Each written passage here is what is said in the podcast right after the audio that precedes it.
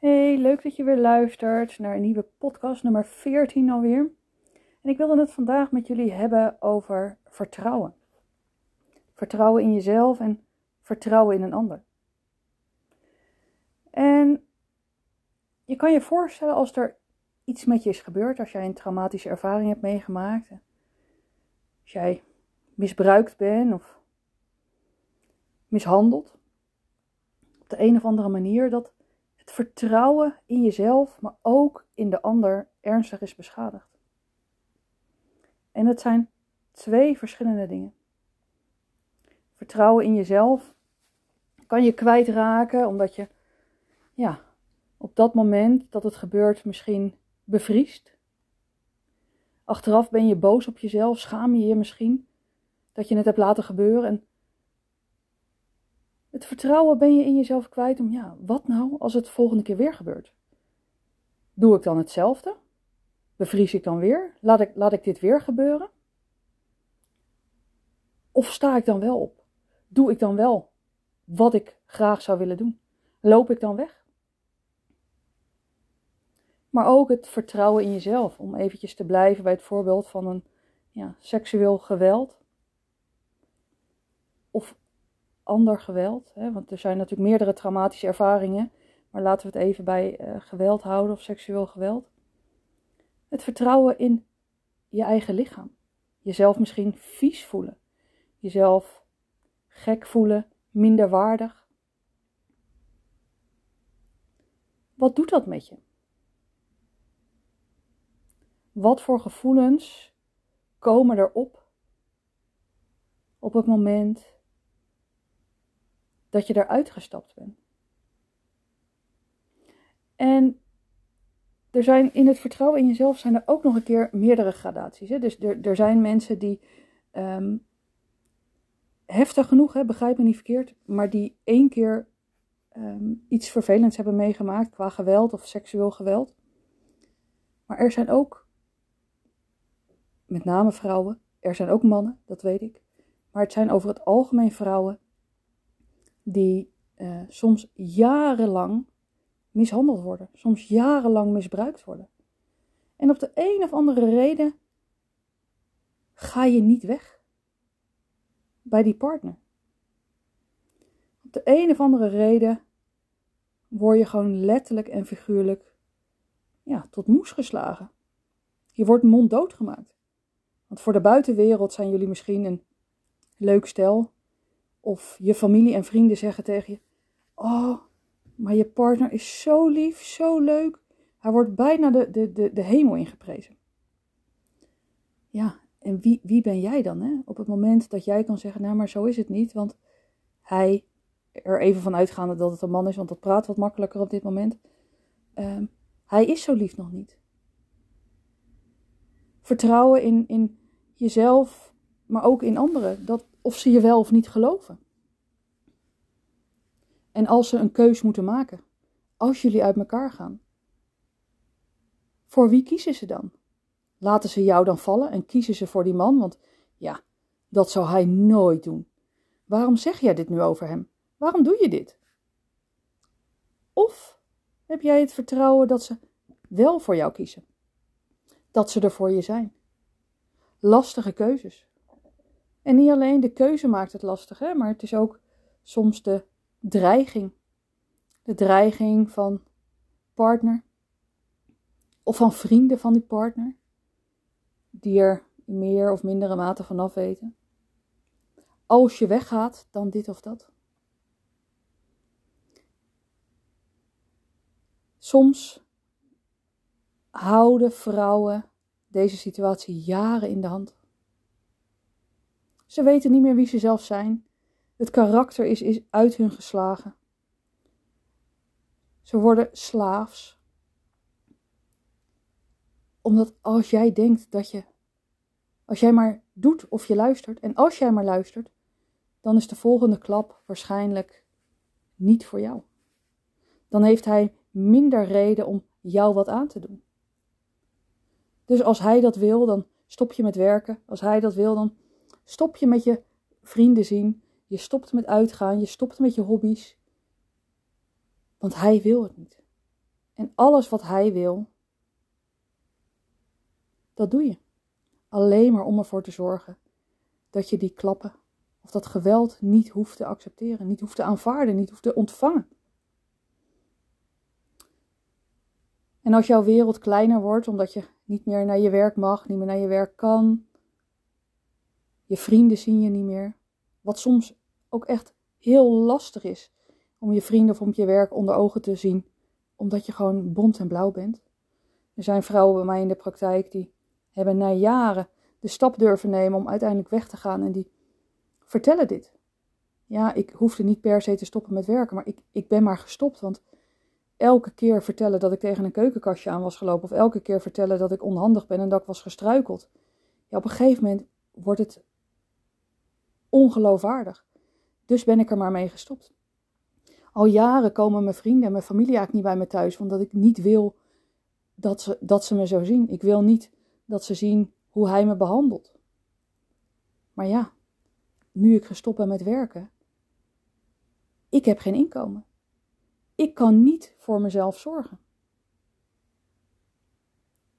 En dat maakt het natuurlijk lastig hè, op het moment dat je, dat je jezelf verstoot van alles en iedereen, of dat nu vrijwillig is of, of gedwongen door je partner. Ook dan verdwijnt weer beetje bij beetje jouw zelfvertrouwen. Wie ben je nog?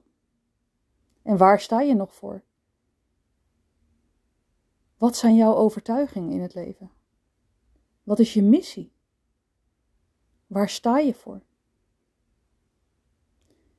En op het moment dat je in zo'n situatie zit, dan, ja, dan kan je daar niet over nadenken. De enige missie die jij hebt is deze dag overleven. Ervoor zorgen dat je deze dag minder te verduren krijgt dan, dan voorheen. Dus je zorgt ervoor dat hij aan zijn grieven komt ten koste van jou, ten koste van, van jouw gevoel, van jouw ervaring, van jouw emotie. En het huilen doe je dan maar liever niet in zijn bijzijn, want dat vindt hij niet fijn. Dan krijg je nog meer klappen dus. Eenmaal onder de douche of in bed komen de tranen. En soms huil je in jezelf. Het zelfvertrouwen krijgt een knauw. Wie ben je nog? Wat kan je nog? En dan daartegenover staat het vertrouwen in de ander. het vertrouwen in de ander, want ja, deze man heeft jou dit aangedaan. En als je al de durf hebt gehad, wat echt super tof is, hè, om uit die relatie te stappen. Soms gaat het makkelijk, soms gaat het moeilijk. Maar als je eenmaal die stap hebt gezet,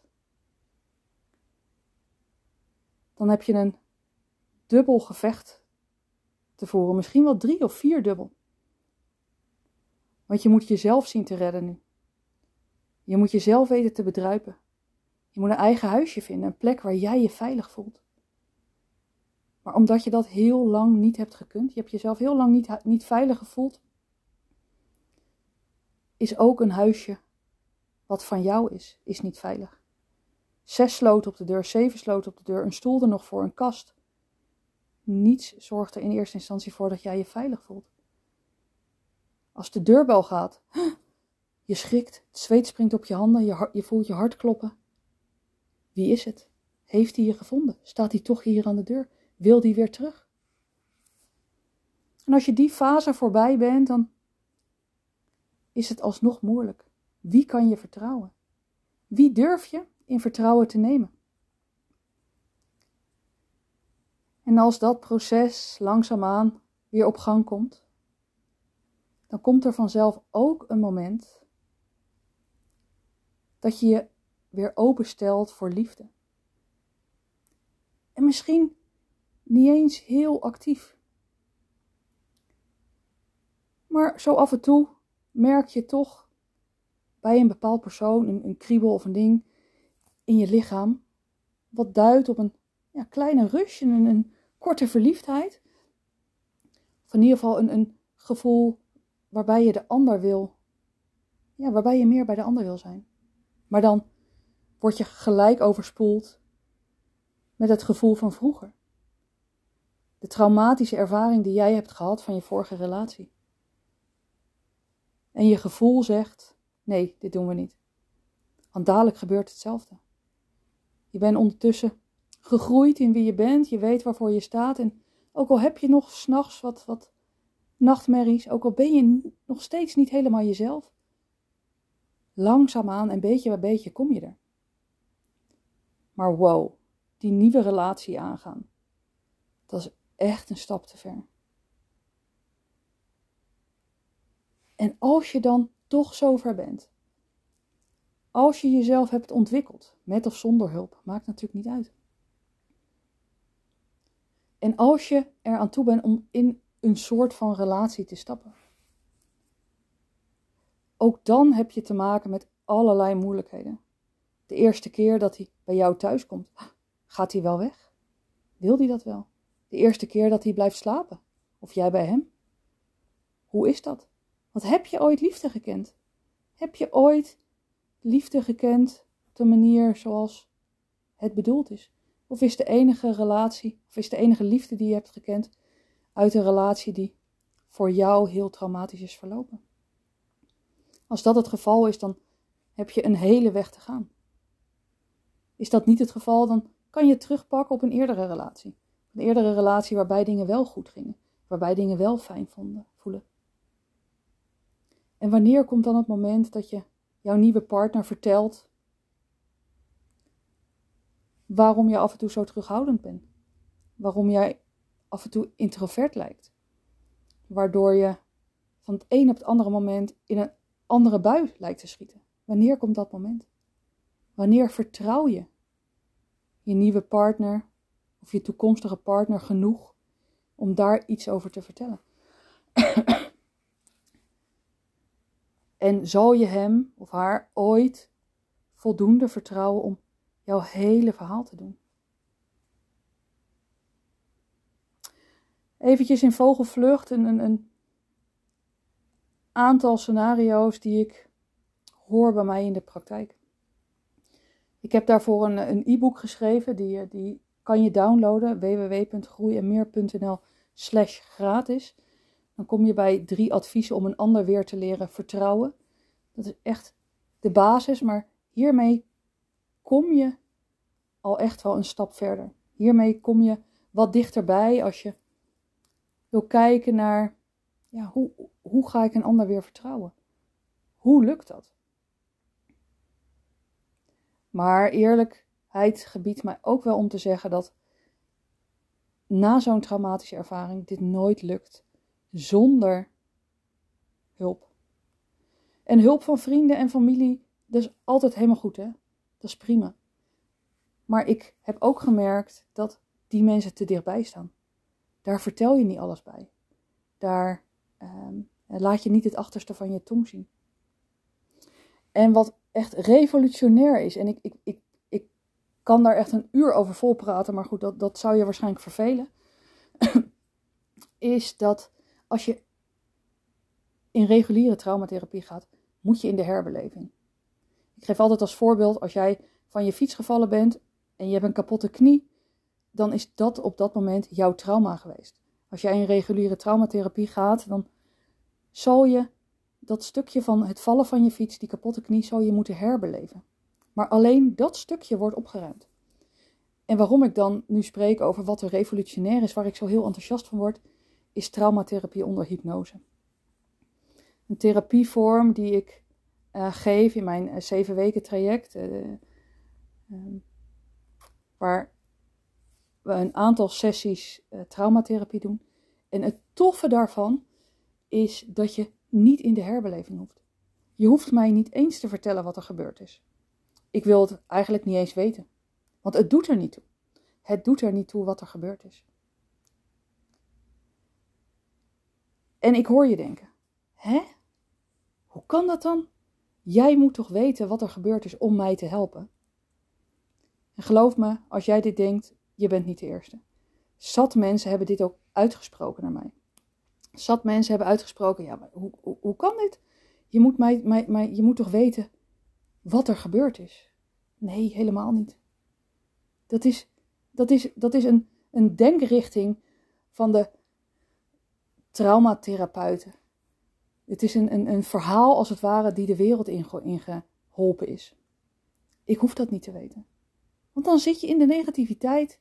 Je zit in de herbeleving. Op het moment dat nul de, de, de baseline is. En ik geef jou therapie. Dan kunnen we eigenlijk alleen maar omhoog. Dan eindig je na de eerste sessie op plus 10 of plus 20, misschien wel plus 30. Maar als je dus stijgt met die 10, 20 of 30 punten. En jij gaat mij eerst vertellen wat er allemaal gebeurd is. Dan zit je niet op die baseline. Maar dan zit je misschien wel min 50. Als je dan 10 of 20 of 30 punten in, in, in, in emotie, in positiviteit omhoog gaat, dan zit je alsnog dik onder nul. Dat hoeft niet. Je hoeft jezelf niet te pijnigen. Goed, ik zal er eventjes over ophouden, want nogmaals, ik kan hier echt uren over praten. Maar anders dwalen, dwalen we een beetje af. Ehm, het vertrouwen. Het vertrouwen in jezelf en, in de ander. Ehm, het is een, een, een heftig proces. Een heftige gebeurtenis. Nogmaals, ik zie het hier en ik hoor het dagelijks bij mensen in de praktijk. En, nou, super tof. Vanmorgen ook weer iemand um, geholpen, bijna klaar met het, uh, met, met het traject. Volgende week haar zesde sessie. En ze zei van, nou, ik had dit zoveel eerder moeten doen. Ja, maar je weet niet wat je niet weet. Dus wees ook daarin niet te streng voor jezelf. Ze zegt: ik, ik, ik ben opener. Ik maak gewoon uit mezelf een praatje met mensen. Ik maak uit mezelf een praatje met, met collega's. Hoe tof is dat? En hoe heftig eigenlijk ook hè, dat je vertrouwen zo erg beschaamd is dat je ja, niet eens gewoon een, een, een praatje pot kan maken met, met, met je collega's. Want ja, wat doen die collega's er wel of niet mee? Waarvoor zullen ze het gebruiken of misbruiken? Mooi dat ze dat, ze dat aangeeft. Dat, ze, dat ze een lichter gevoel heeft. Dat ze, ja, dat ze de wereld positief aanschouwt. Dat ze gelooft dat, dat ze er komt. Dat ze aan het opruimen is. Zonder dat ze mij ook maar ze heeft iets verteld van wat er gebeurd is, maar dat hoeft helemaal niet. Vaak willen mensen toch iets vertellen wat er gebeurd is, zodat ze weten: het is goed. Het zit goed en ik, ik, ik kan Sonja vertrouwen, want, want ze weet een beetje wat, wat, wat mij overkomen is. www.groeienmeer.nl slash gratis. Download daar rustig het e-book. En ga met deze drie adviezen aan de slag. Kijk wat je daar van meeneemt. En het belangrijkste om het vertrouwen weer terug te krijgen in met name een ander, want daar gaat dit e-book over, is haal emotie, herinnering en ratio uit elkaar. En ja, ik weet het, makkelijker gezegd dan gedaan. Maar dat is wel de basis. Als iemand jou ooit iets heeft aangedaan, waardoor jouw vertrouwen beschadigd is. Betekent dat dan per definitie dat iedereen dit doet? Heeft degene die jij wantrouwt iets gezegd of iets gedaan waardoor jij hem of haar moet wantrouwen? En het is een neerwaartse of een opwaartse spiraal. Jij mag zelf kiezen in wat voor spiraal jij zit als je begint met het wantrouwen van mensen, dan is het einde bijna zoek. Want je vertrouwt die niet meer, je vertrouwt de ander niet meer, de volgende vertrouw je ook niet meer en zo verder. Maar de andere kant, die opwaartse spiraal, die is juist heel tof. Als het jou lukt om meer vanuit openheid en zelfvertrouwen een ander te vertrouwen, dan zal je zien dat het als een soort olievlek zich uitspreidt. Er komen steeds meer mensen op je pad die je vertrouwt. En het is uiteindelijk ook een wisselwerking. En ook dit is echt zo'n kreet waar, die ik heel veel hoor, maar ik wil hem eigenlijk liever niet gebruiken, maar ik zeg hem toch. Je krijgt wat je geeft. En daarmee bedoel ik niet, en ik, daarmee bedoel ik nergens, dus daar wil ik wel even uitspreken, dat je zelf hebt gevraagd om die mishandeling. Dat je zelf zeker niet. Maar als jij een open blik hebt naar een ander, als jij een ander vertrouwt, krijg je vanzelf dat vertrouwen terug. Dat is wat ik ermee probeer te zeggen. Ik hoop dat je er iets aan gehad hebt. Ik hoop dat je ja, het, e-book downloadt, dat je, dat, je, dat je er eens naar kijkt, dat je hem leest. En mocht je daar nog vragen over hebben, dan uh, mag je mij dat laten weten. Oh, en ik uh, wil gelijk even van de mogelijkheid gebruik maken om aan te geven dat ik volgende week vrijdag 13 januari om half acht heb ik een groepshypnose. Groepshypnose, omdat veel mensen toch denken, poeh, hypnose, dat, dat is wel, wel eng. Niets is minder waar. Groepshypnose, zodat je niet alleen bent, zodat je wellicht denkt als ik je in een kikker verander, dat ik je allemaal gekke dingen laat doen. Dat gebeurt niet. Heb vertrouwen in mij. Een groepshypnose waarmee je dingen kan loslaten. Angsten kan loslaten. Maar ook waarbij je, um, waar, waar, waar, waarbij je jezelf kan onderdompelen weer in vertrouwen. Waarin je je lichtschakelaar, je energieschakelaar als het ware kan omzetten van wantrouwen naar vertrouwen. Een gesloten houding naar een open houding. Ik nodig je uit om hier aan deel te nemen. Volgende week vrijdag 13 januari om uh, half acht s avonds. Zal ongeveer een uurtje duren. Daarna lekker kopje thee, zodat je kan bijkomen, zodat je goed wakker bent. Want ik wil dat je dat wel bent voordat je in de auto stapt. Of op de fiets. Mocht je daar meer over willen weten, neem even contact met mij op. info.groeienmeer.nl En dan, um, dan stuur ik je de link naartoe. Voor slechts 9,95 euro. Dus wat kan je gebeuren? Het ergste wat je kan overkomen is dat je volledig ontspannen naar huis gaat. Nou, hoe fijn en hoe relaxed is dat? Ik heb toch iets meer gepraat dan dat ik eigenlijk zou willen, dus ik, um, ik ga hem hier afsluiten. Ik um, zie je oftewel volgende week vrijdag. Er zijn nog enkele plaatsen beschikbaar. En anders um, hoop ik dat ik zie dat je het e-book hebt gedownload. Zodat je daar alvast mee aan de slag kan. En mocht je nog vragen hebben, nou, mail gerust het info.groeienmeer.nl en dan zal ik ze voor je beantwoorden. Zal ik kijken of dat ik je daar kan helpen. Voor nu wens ik je een hele fijne dag en we spreken elkaar morgen. Doeg!